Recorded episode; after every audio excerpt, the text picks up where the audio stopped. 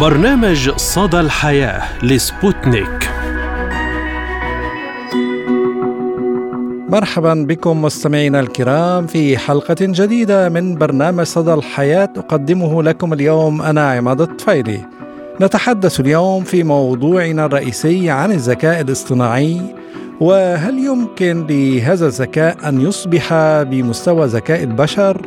وهل البشرية أمام خطر حقيقي؟ وما هو مستقبل الذكاء الاصطناعي وإلى أين يسير؟ كما نتحدث في حلقة اليوم عن مواضيع متنوعة. يعرف الذكاء الاصطناعي بأنه الذكاء الذي تبديه الآلات والبرامج بما يحاكي القدرات الذهنية البشرية وأنماط عملها مثل القدرة على التعلم والاستنتاج ورد الفعل على أوضاع لم تبرمج في الآلة كما يعنى بكيفية صنع حواسيب وبرامج قادرة على اتخاذ سلوك ذكي. فالذكاء الاصطناعي هو محاكاة وتقليد الذكاء البشري في الآلات المبرمجة للتفكير مثل البشر وتقليد أفعالهم مثل الأجهزة الإلكترونية والروبوتات. ويمكن أيضا أن يشير هذا المصطلح على أي آلة تعرض سمات مرتبطة بالعقل البشري مثل التعلم وحل المشكلات. وخلال السنوات الأخيرة قفز التطور في تقنية الذكاء الاصطناعي قفزات كبيرة وتعد تقنية التعلم العميق أبرز مظاهره وهي ترتكز على تطوير شبكات عصبية صناعية تحاكي في طريقة عملها أسلوب الدماغ البشري أي أنها قادرة على التجريب والتعلم وتطوير نفسها ذاتيا دون تدخل الإنسان. ففي أواخر عام 2014 أشار عالم الفيزياء الراحل ستيفن هوكينج إلى أن تطوير ذكاء اصطناعي كامل قد يمهد لفناء الجنس البشري محذرا من قدرة الآلات على إعادة تصميم نفسها ذاتيا. وفي العام 2015 وصف المخترع والمستثمر الأمريكي إيلون ماسك الذكاء الاصطناعي بأنه من أعظم المخاطر التي تهدد الوجود البشري كما شبه تطوير الآلات الذكية باستحضار الشيطان. في المقابل يرى بعض الخبراء أن تقنيات الذكاء الاصطناعي لن تتسبب في أي مخاطر على الجنس البشري ويرون أنه لا ينبغي القلق من التقنيات الذكية فهي تحتاج لسنوات كثيرة من التطور البطيء والتدريجي قبل أن تصل إلى المدى الذي يخشاه المحللون لأنها تستند في تطورها إلى علوم وأفكار ما تزال في بداياتها الأولى حاليا ولن يخرج أحد العلماء بتقنية ذكية من شأنها تغيير العالم بين ليلة وضحاها كما في أفلام الخيال العلمي. لا شك أن الذكاء الاصطناعي أحدث ثورة هائلة في العصر الحديث خاصة وأن معظم البيانات تحتاجه وكذلك استخدام التطبيقات لهذا فإن الذكاء الاصطناعي بالنسبة للمؤسسات بمثابة المنقذ لها لأنه يحاكي العقول البشرية في طريقة تأدية الخدمة. ولهذا يوجد الكثير من الفوائد والتحديات التي تواجهه وتؤكد أهمية استخدامه. وللحديث أكثر عن هذا الموضوع ينضم إلينا من بيروت الباحث في فيزياء وتكنولوجيا النانو الدكتور وسيم جابر. أهلا ومرحبا بك دكتور وسيم في حلقة اليوم من برنامج صدى الحياة وأسألك في البداية ما هو الذكاء الاصطناعي ولماذا يكتسي أهمية كبرى في وقتنا الحالي؟ الذكاء الاصطناعي هو فرع من فروع علوم الحاسوب آه، الذي يهتم بتصميم وتطوير الأنظمة الحاسوبية اللي تتمتع بقدرة على محاكاة الذكاء والتعلم واتخاذ القرارات الذاتية بطريقة تشبه القدرات العقلية البشرية طبعا يتمتع الذكاء الاصطناعي بأهمية كبرى في وقتنا الحالي نظرا لأنه آه، يمكن استخدامه لتطوير تقنيات جديدة وحل المشاكل المعقدة والتحديات الكبيرة في مختلف المجالات مثل الصحة والتعليم والصناعة والتجارة والأمن والدفاع وغيرها نعم كيف يؤثر الذكاء الاصطناعي على حياة الناس في المستقبل؟ من الطبيعي انه الذكاء الاصطناعي حيأثر بشكل كبير على حياة الناس بالمستقبل لأنه يمكن استخدامه بتطوير الأنظمة الطبية وتشخيص الأمراض بشكل أسرع وأدق. وأيضا يعمل على تحسين الصناعة والإنتاجية وتقليل الأخطاء وتوفير خدمات متميزة للعملاء في المجالات المختلفة. ويعمل أيضا على تسهيل حياة الناس من خلال تطبيقات الذكاء الاصطناعي اللي بتساعدهم على حل مشاكلهم اليومية. دكتور وسيم ما هي أهم عناصر الذكاء الاصطناعي والمراحل التي يمر بها؟ في الإطار العلمي والتقني للذكاء الاصطناعي تشمل عناصر الذكاء الاصطناعي. أولا الخوارزميات ال algorithms الشبكات العصبية neural networks التعلم العميق ال deep learning والتعلم الآلي اللي هو ال machine learning أيضا يشمل التعرف على الصوت والنص والصورة والتحليل اللغوي وغيرها. طبعا تتمثل المراحل اللي بمر فيها الذكاء الاصطناعي في التعلم الأساسي والتدريب والاختبار والتطبيقات العملية. عادة في إطار الذكاء الصناعي المتطور اليوم يستخدموا ال neural network آه، اللي من خلالها بيقدروا يحطوا input معين مبني على data جدا ضخمة من خلال neural networks عديدة آه، بيقدروا يتحكموا بال output اللي بدهم إياه. طبعا آه، بناء على training جدا ضخمة بتقدر تأمن الهدف الذي يعني تم إدخال المعلومات الأولية آه، لهذا الانسان ما هو الفرق بين الذكاء الاصطناعي الضيق والعام؟ طبعا اليوم آه، في الإطار التصنيف آه، العلمي للذكاء الصناعي تم تقسيمه على ثلاث مراحل. في عنا المرحلة الأولى اللي هو المرحلة النارو artificial intelligence أو الذكاء الاصطناعي الضيق. وأيضا عندنا artificial general intelligence أو الذكاء الاصطناعي العام. وفي المستقبل أيضا يوجد عندنا artificial super intelligence أو الذكاء الاصطناعي الخارق. على مستوى الذكاء الاصطناعي الضيق طبعا هو آه، يركز على مهمة محددة ومحدودة في مجال معين. آه، مثل التعرف على الصوت أو التصنيف الصور آه، واليوم نحن بمرحلته اللي هو على مستوى التطبيقات وال application من ناحية يعني تصنيف الصور ال segmentation والأمور العديده أما آه، الذكاء الاصطناعي العام واللي هو اليوم تحدي معظم الشركات العملاقة العالمية الذي يهدف إلى تحقيق الذكاء العام الشامل كالإنسان وتعلم جميع المهام الحسية والذهنية. ولا هذا الهدف يعني آه، ما زلنا يعني على مستوى تخصص الذكاء الاصطناعي آه، مش بعاد عنه هو في المنظور ليس ببعيد ولكن كل اليوم الشركات تسعى على أن يكون الذكاء الاصطناعي متقدم في اتجاه الذكاء العام.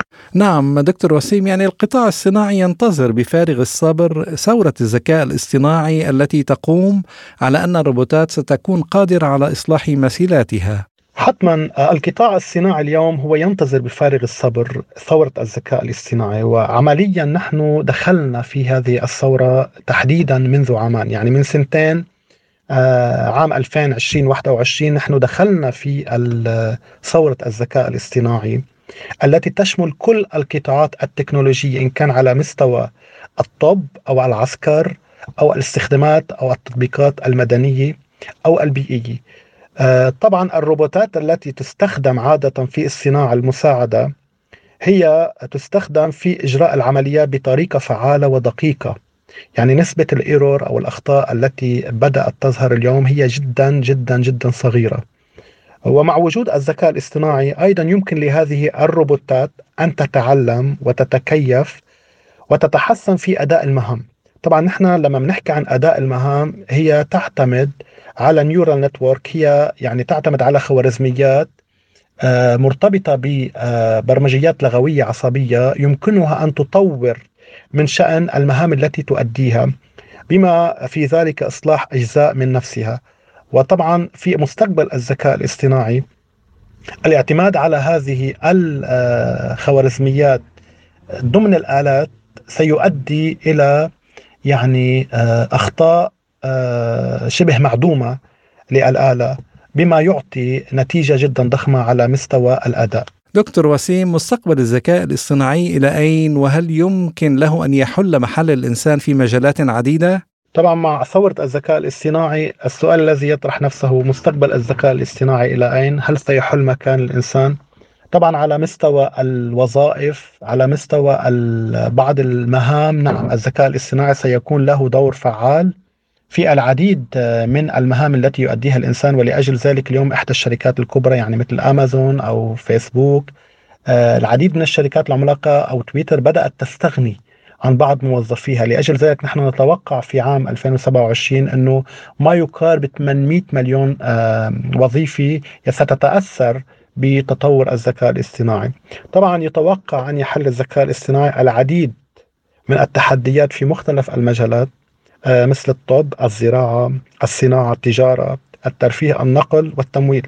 على الرغم من هيدا كله طبعا الذكاء الاصطناعي لا يمكن أن يحل محل الإنسان تماما في هذه في كل هذه المجالات لأن هناك مجالات تتطلب القدرات الإنسانية مثل الإبداع والتفكير النقدي والتعامل مع المشاعر. طبعا الآلة لا يمكن أن تؤمنها إلا إذا بمرحلة متقدمة لاحقا وصلنا لل artificial general intelligence وأيضا اليوم البشر أمام تحد آخر من نوعه. لازم اليوم البشر أن يواكبوا تطور الذكاء الاصطناعي. طالما الآلة تتطور تتقدم على البشر أن يواكبوا هذا التطور لأنه اليوم نحن يعني آه يعني مفترض ومجبورون أن نمضي مع الذكاء المعزز الذي بات تحد من نوع آخر للبشرية.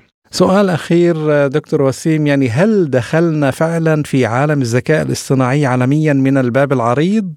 وهل يوجد قيود لبعض استخداماته مثل مثال يعني التطبيقات العسكرية ولا أخلاقية؟ بالتأكيد لقد دخلنا عالم الذكاء الاصطناعي عالميا من الباب العريض. طبعا اليوم يتم استخدامه للذكاء الاصطناعي بمختلف المجالات.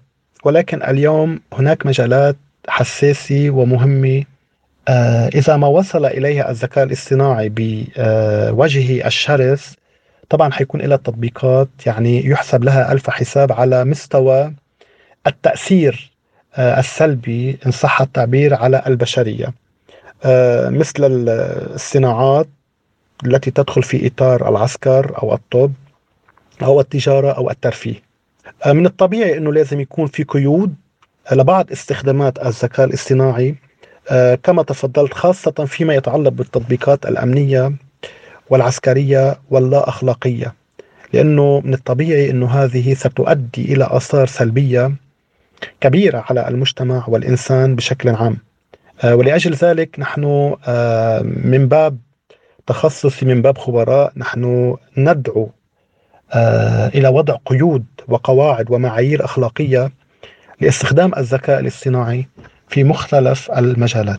الباحث في فيزياء وتكنولوجيا النانو الدكتور وسيم جابر شكرا جزيلا لك. ونتابع حلقة اليوم مستمعينا الكرام بخبر فني من روسيا. حيث تصدر فيلم التحدي الروسي الذي تم تصويره في محطة الفضاء الدولية شباك, شباك التذاكر في روسيا ورابطة الدول المستقلة بإيرادات بلغت حوالي 426 مليون روبل حتى نهاية الأسبوع الماضي. وفي الخامس من أكتوبر 2021 انطلق إلى الفضاء أول طاقم من الممثلين الروس وبينهم بطلة الفيلم يوليا بيريسيلد والمخرج كليم شيبينكا ورائد الفضاء أنطون شكابليراف وفي أحداث الفيلم الأرضية تم إجراء 53 جولة تصوير ثلاثة منها في الطائرة المختبر في حالة انعدام الجاذبية وكانت هناك 12 جولة تصوير في الجزء الروسي من محطة الفضاء الدولية. وفي الأحداث يتعين على الجراحة الطبيبة جينيا الاستعداد لرحلة فضائية في غضون شهر والذهاب إلى محطة الفضاء الدولية لإنقاذ رائد فضاء. وهنا تضطر الشخصية الرئيسية في الفيلم إلى تنفيذ أصعب عملية جراحية في حالة انعدام الوزن حيث تعتمد عليها فرص عودة رائد الفضاء إلى الأرض على قيد الحياة. ومن جهة أخرى استقبلت دور العرض المصرية الفيلم الروسي التحدي ابتداء من السادس والعشرين من إبريل الجاري والذي يعد أول فيلم سينمائي يتم تصويره في الفضاء الخارجي على متن المحطة الفضائية الدولية.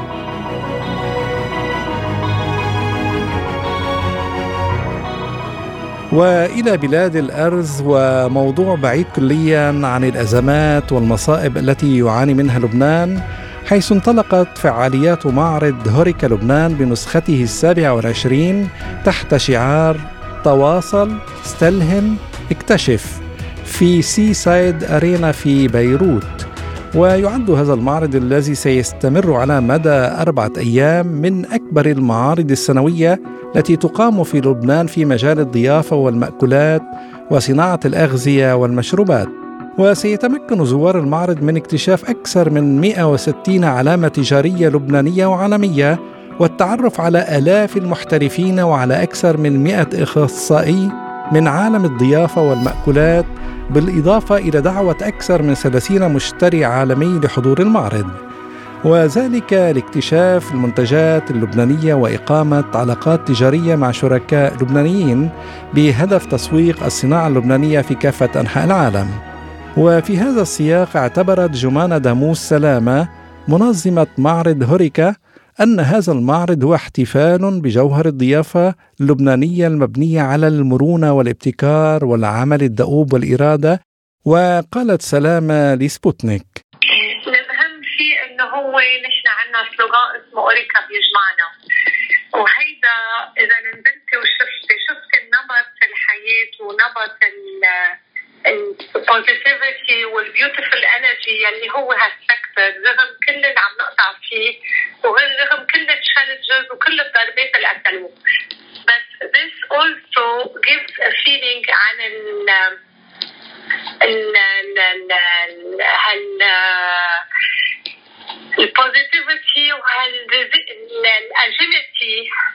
اللي عندنا إياها كلبنانيين وبتاكد إنه لبنان بلد سياحي بامتياز آه يعني بال DNA تبعه رغم شو ما يصير في آه في هال naturally it bounces back وبيكون بلد آه بيستقطب السواح. يعني هن أول شيء الدياسبورا تبعه. وثاني شيء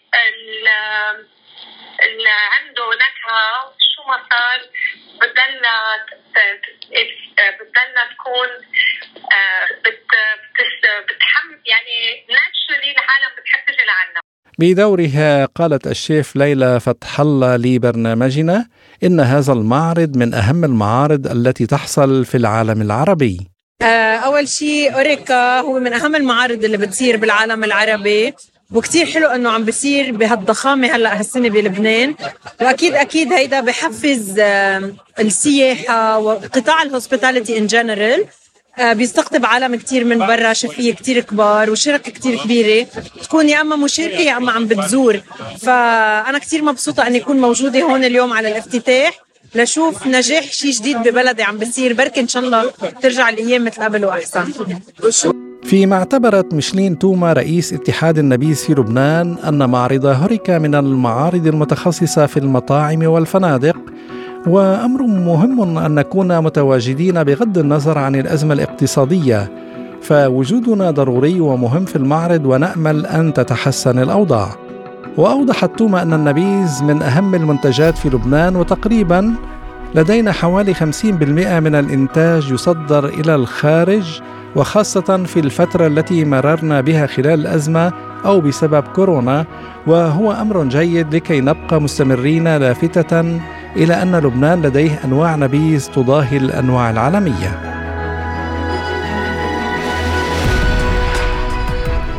قدم فنان روسي قطعة مجوهرات مكونة من قلادة وقرط اسمها الطريق السماوي للقرآن الكريم هدية إلى المسجد الأقصى والفلسطينيين تجدر الإشارة إلى أن قطع المجوهرات مصنوعة من ناب حيوان الماموس والزمرد والذهب الأبيض وتسلم الهدية قاضي قضاة فلسطين الدكتور محمود الهباش بحضور وفد من ممثلية روسيا الاتحادية لدى فلسطين برئاسة غوشا بوتشينادزي. وإلى مصر حيث دشنت مجموعة من الشباب المصري حملة كبيرة عبر وسائل التواصل الاجتماعي لوقف مزاعم حركة المركزية الإفريقية أو ال Afrocentric لتزييف حقائق حول التاريخ المصري الفرعوني. وبدأت الحملة بنشر شاب مصري يدعى محمود عاطف صورة له عبر حسابه الخاص على موقع فيسبوك. ظهر فيها إلى جانب قطعة أثرية فريدة لتمثال الوزير حور الشهير في المتحف المصري بالتحرير الذي يجلس على إحدى ساقيه والأخرى مستلقية على الأرض ليوضح أن هناك تشابها كبيرا بينه وبين التمثال وانتمائه لأصول أجداده من القدماء المصريين. وجاءت الصورة على خلفية طرح منصة إعلامية عالمية للفيلم الوثائقي الملكة كليوباترا الذي أثار جدلا واسعا بين رواد مواقع التواصل الاجتماعي حيث تظهر البطلة التي تؤدي دور الملكة ببشرة سمراء وأصول تختلف عن الأصول الحقيقية لكليوباترا التي كانت بلطمية ذات بشرة بيضاء.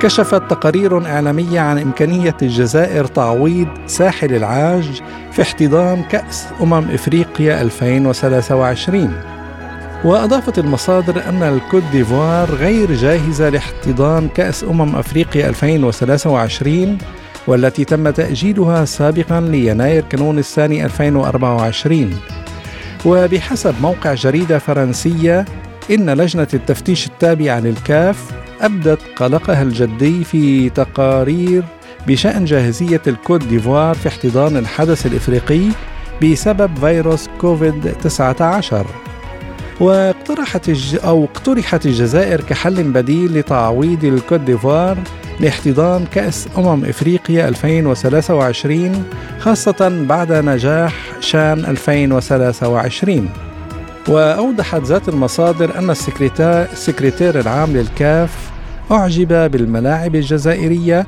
خلال زيارته الأخيرة في شهر مارس أذار الماضي. وذلك في إطار معاينة المنشآت الرياضية التي قدمتها الجزائر تحسبا للترشح لاحتضان كأس إفريقيا 2025 كشفت دراسة حديثة أن هناك علاقة بين اللغة التي يتحدثها أي شخص وبين الوعي والطريقة التي يفكر بها مشيرة إلى أن أدمغة المتحدثين باللغة العربية تختلف عن غيرهم. أجرت دراسة معهد ماكس بلانك الألماني حسب ما ذكر في تقرير على موقعه الرسمي وأشار فيه إلى أنه تم استخدام موجات الرنين المغناطيسي للحصول على صور تشريحية واضحة لأدمغة المشاركين في الدراسة الذين شملوا متحدثين باللغة العربية ومتحدثين باللغة الألمانية كلغة أم. واكتشفت الدراسة أن الطريقة التي تتشكل بها أدمغة المتحدثين بالعربية تختلف عن أدمغة المتحدثين بالألمانية ووصل عدد المشاركين في الدراسة من اللغتين إلى 94 شخصا بحسب هذه الدراسة التي أشارت إلى أن الصور التشريحية لأدمغة المتحدثين باللغة العربية تظهر وجود ارتباط أكبر بين نصفي الدماغ مقارنة بالمتحدثين باللغة الألمانية كما أظهرت وجود دوائر عصبية مختلفة ويخطط العلماء لدراسة شكل دماغ الشباب العرب الذين يتعلمون اللغة الألمانية وكيف تعمل الدوائر العصبية لأدمغتهم خلال ستة أشهر الأولى من التعلم. ويقول العلماء إن الدراسة يمكن أن تسهم في فهم أفضل لطريقة تعلم اللغات الأخرى. وتقول دراسة سابقة أن هناك دوائر عصبية مختلفة تتشكل لدى من يتعلمون أكثر من لغة خاصة خاصة الأطفال مشيرة إلى أن ذلك يسهم في الحد من خطر الإصابة بمرض الزهايمر ولهذا نصيحة بأن تتعلموا اللغات الأجنبية لأنها مفيدة جدا للدماغ.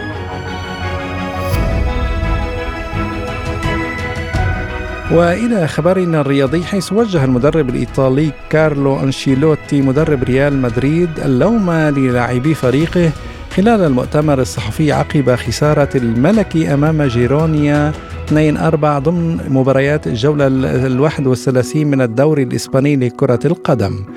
وتعرض ريال مدريد للهزيمة الأولى بعد فوزين متتاليين. ليتوقف رصيده عند 65 نقطة ويحتل المركز الثاني في جدول ترتيب الدوري الليغا متأخرا بفارق تسع نقاط عن المتصدر برشلونة.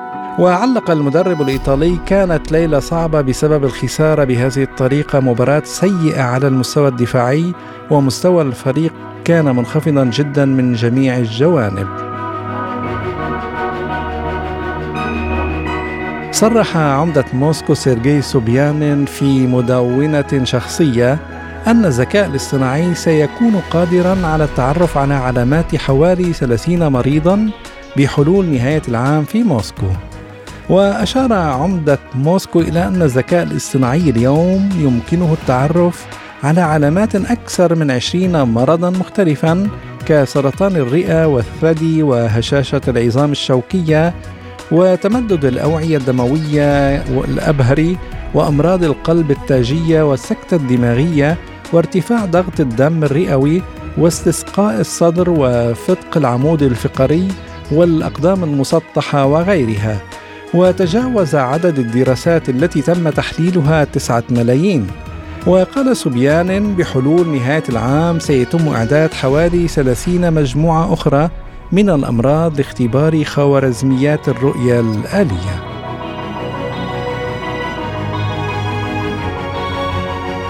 أعلنت الدكتورة فيرانيكا غوسكوفا خبيرة التغذية الروسية أنه في فصل الربيع يجب تناول الفواكه المحصول الجديد لأنها تحتوي على نسبة أعلى من الفيتامينات والعناصر المعدنية. وتشير الخبيرة في حديث لجازيتا رو إلى أن الثمار الموسمية تمر بدورة نضوج طبيعية وتحقق أقصى فائدة للجسم. ولكن عند تخزينها خلال فترة طويلة تفقد الكثير من قيمتها البيولوجية أي أن تفاح السنة الماضية يحتوي على مواد مغذية أقل من تفاح السنة الحالية. وتقول جوسكوفا تأتي معظم الفواكه في الشتاء والربيع طازجة من البلدان التي جمعت فيها ويتم نقل هذه المنتجات في ظروف خاصة من أجل الحفاظ على أكبر نسبة من المواد المغذية التي تحتويها. هذه الفواكه هي أكثر فائدة للجسم في فصل الربيع. وكانت الدكتورة آنا كيريفا أخصائية الطب الوقائي قد أوصت في وقت سابق بضرورة تناول الحمضيات والموز والأناناس في فصل الربيع لأنها المصدر الأساسي للفيتامينات. ونختم حلقة اليوم بخبر طبي حيث أعلن الدكتور أندري ريبكوف أن انخفاض مستوى ضغط الدم المزمن يشكل خطورة على الصحة ويمكن أن يؤدي إلى التعب المزمن والضعف وإلى الإصابة بالجلطة الدماغية وقصور الكلى. ويقول الدكتور قد يعاني الشخص في حالة انخفاض مستوى ضغط الدم من نقص الأكسجين في الدم، ما يؤثر سلبا في الدماغ والقلب وأعضاء الجسم الأخرى.